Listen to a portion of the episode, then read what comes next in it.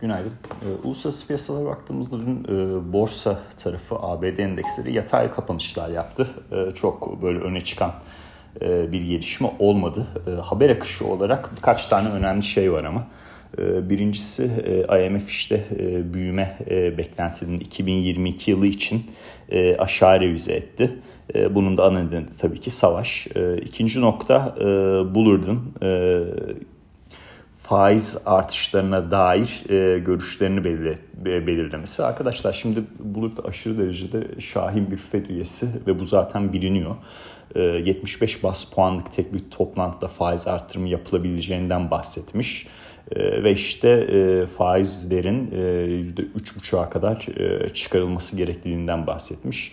Yani bu ikisi de e, çok gerçekçi değil. E, neden? E, FED Başkanı'nın da Powell'ın da, FED Başkan Yardımcısı'nın da, e, Brainerd'ın da. Ya bu ikisi Senato'dan onay bekliyor. Tekrardan e, Powell tekrardan Brainerd Başkan Yardımcısı olmak adına.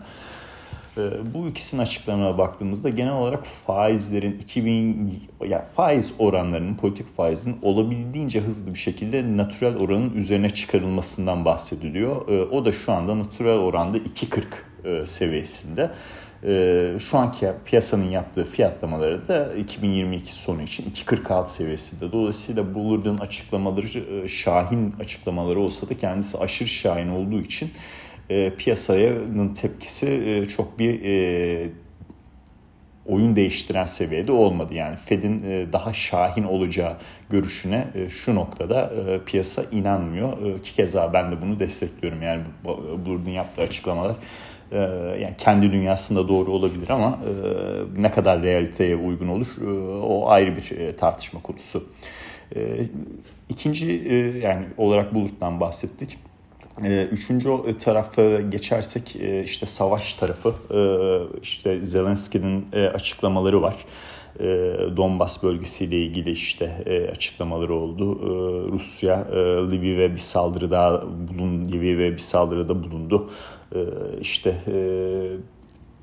farklı bir noktada önemli bir nokta Zelenski'nin işte Rusların taktiksel olarak nükleer silah kullanabileceğinden de bahsediyor.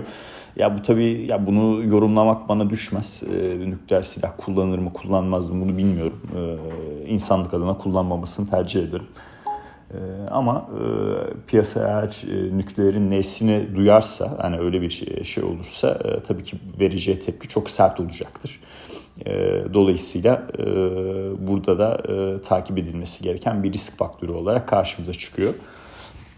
Ee, şimdi bu üç haberi aktardıktan sonra biraz daha böyle piyasa fiyatlamalarına dönelim. E, ham maddeler tarafında altın 1974'te işte bu 2000 seviyelerine kadar gitti ama ondan sonra geri geldi. Petrol grubu 107 işte WTI 108 Brent 113 dolar seviyelerinde bir miktar e, artık yükseliş hızını yavaşlatmış e, durumda gibi gözüküyor. E, tabii bu kompozisyon vadeli piyasalarda da ABD endekslerine alımlar getiriyor. Bu oldukça iyi bir görünüm en azından güne başlarken ABD seansına olumlu bir başlangıç olabilecek olması güzel bir durum. Bitcoin tarafında güzel bir gelişme. Tekrardan 40 binin üzerine attık. İşte 40.700 e, seviyelerindeyiz. İşte e, bu ne kadar hızlı 41 bin 42 bin e, direnç bölgesinin üzerine atabilirse o kadar iyi olur risk algısı açısından. Bu da tabii S&P 500 ve Bitcoin'deki yükseliş hareketlerinin devamlılığı açısından bayağı bir piyasaya umut vermiş olur öyle özetleyeyim. Şöyle bir e, birkaç tane daha şeyden bahsetmek istiyorum. Birincisi yen. E, yani yen 13 e, gündür aralıksız değer kaybediyor. Artık hem Kurodo'nun Japonya Merkez Bankası'nın yaptığı açıklamaya hem de Finans Bakanı'nın yaptığı açıklamaya bakarsak artık bir noktadan sonra bir müdahale belki olabilir. Yani en son yene bir müdahale 2011 yılında olmuş olması lazım.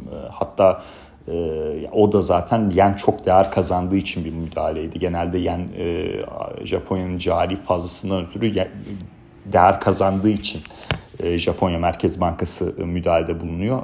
Ama bu sefer tam tersi bir durum olabilir. Çünkü çok ciddi bir hızda bir değer kaybı söz konusu. Dolayısıyla kısa vadeli USD de short açmak bence gayet mantıklı. İkinci değinmek istediğim nokta Nisan ayında işte fon yöneticilerinin anketinde ham maddeler tarafındaki yüksek pozisyonlanma ya savaş bir devam ettiği süre boyunca e, ham maddelerin gidişatı e, düşüşlerde piyasanın alım yapması yönünde olacaktır. E, ama o tarafta bir farklı bir durum gerçekleşirse e, X, Y, Z nedenden ötürü e, bilemediğim bir durumdan ötürü şu anda ve piyasanın da bilemediği bir durumdan ötürü ham madde grubuna e, çok sert bir e, satış e, gelme riski pozisyonlanmalardan ötürü var. E, bunu da aklımızın bir köşesinde tutalım. İşte doğalgaz e, ABD tarafında 13 yılın en yüksek seviyesine ulaştı. Mısır'da keza çok e, ciddi bir e, yükseliş var. Zaten petrol grubundan hep bahsediyoruz biliyorsunuz. Dolayısıyla burada bir kırılganlık da önümüzdeki zamanlarda yaşanabilir. Ama savaşın tabii bir noktada yavaşlaması lazım böyle bir şey olması için. Son olarak bir enteresan bir grafikten de bahsedeyim. Ondan sonra herkese iyi seanslar diyeceğim. E, Goldman'ın e, bu verim eğrisinde 2 ile 10 yıllıklar negatife geçtikten sonra nasıl e, sektörel bazda nasıl e, performanslar e, yaşandığına dair bir e, çalışması olmuş. Ee, burada ilk yani en iyi e, sektör e, iletişim hizmetleri sektörü e, olarak karşımıza çıkıyor. E, dolayısıyla işte Twitter olsun, e, Facebook olsun, Google olsun bu tarz şirketlerde e, önümüzdeki zamanlarda daha çok e, primlerde görebiliriz. E, her ne kadar 2 ile 10 yıllık e, ve e, makası artık eksi de değilse de e, bu sene içinde bir eksiye girdi. E, ondan sonra çıktı. Bu da olumlu. Yani demek ki resesyon ihtimali azalıyor e, en azından.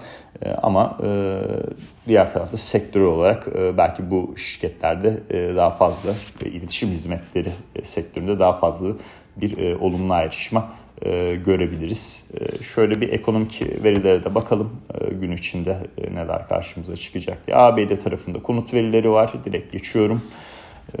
Onun dışında şöyle bir G20'ye de bakalım ne var ne yok diye.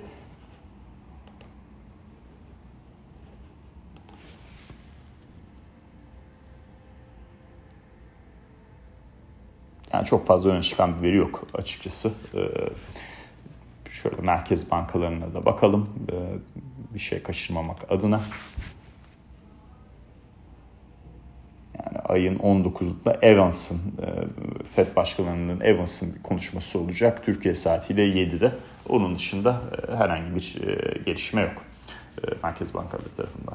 Bugün yani olumlu bir e, fiyatlama olacağını düşünüyorum. Vadeli piyasalardaki e, fiyatlamanın devamlı olacağını düşünüyorum. 10 yıllıkların işte 2.85-2.90 bandının üzerine çıkmadığı sürece tekrardan risk algısında olumlu yönde bir dönüş yaşanabileceği söylenebilir. Dinlediğiniz için teşekkürler. Herkese iyi seanslar dilerim.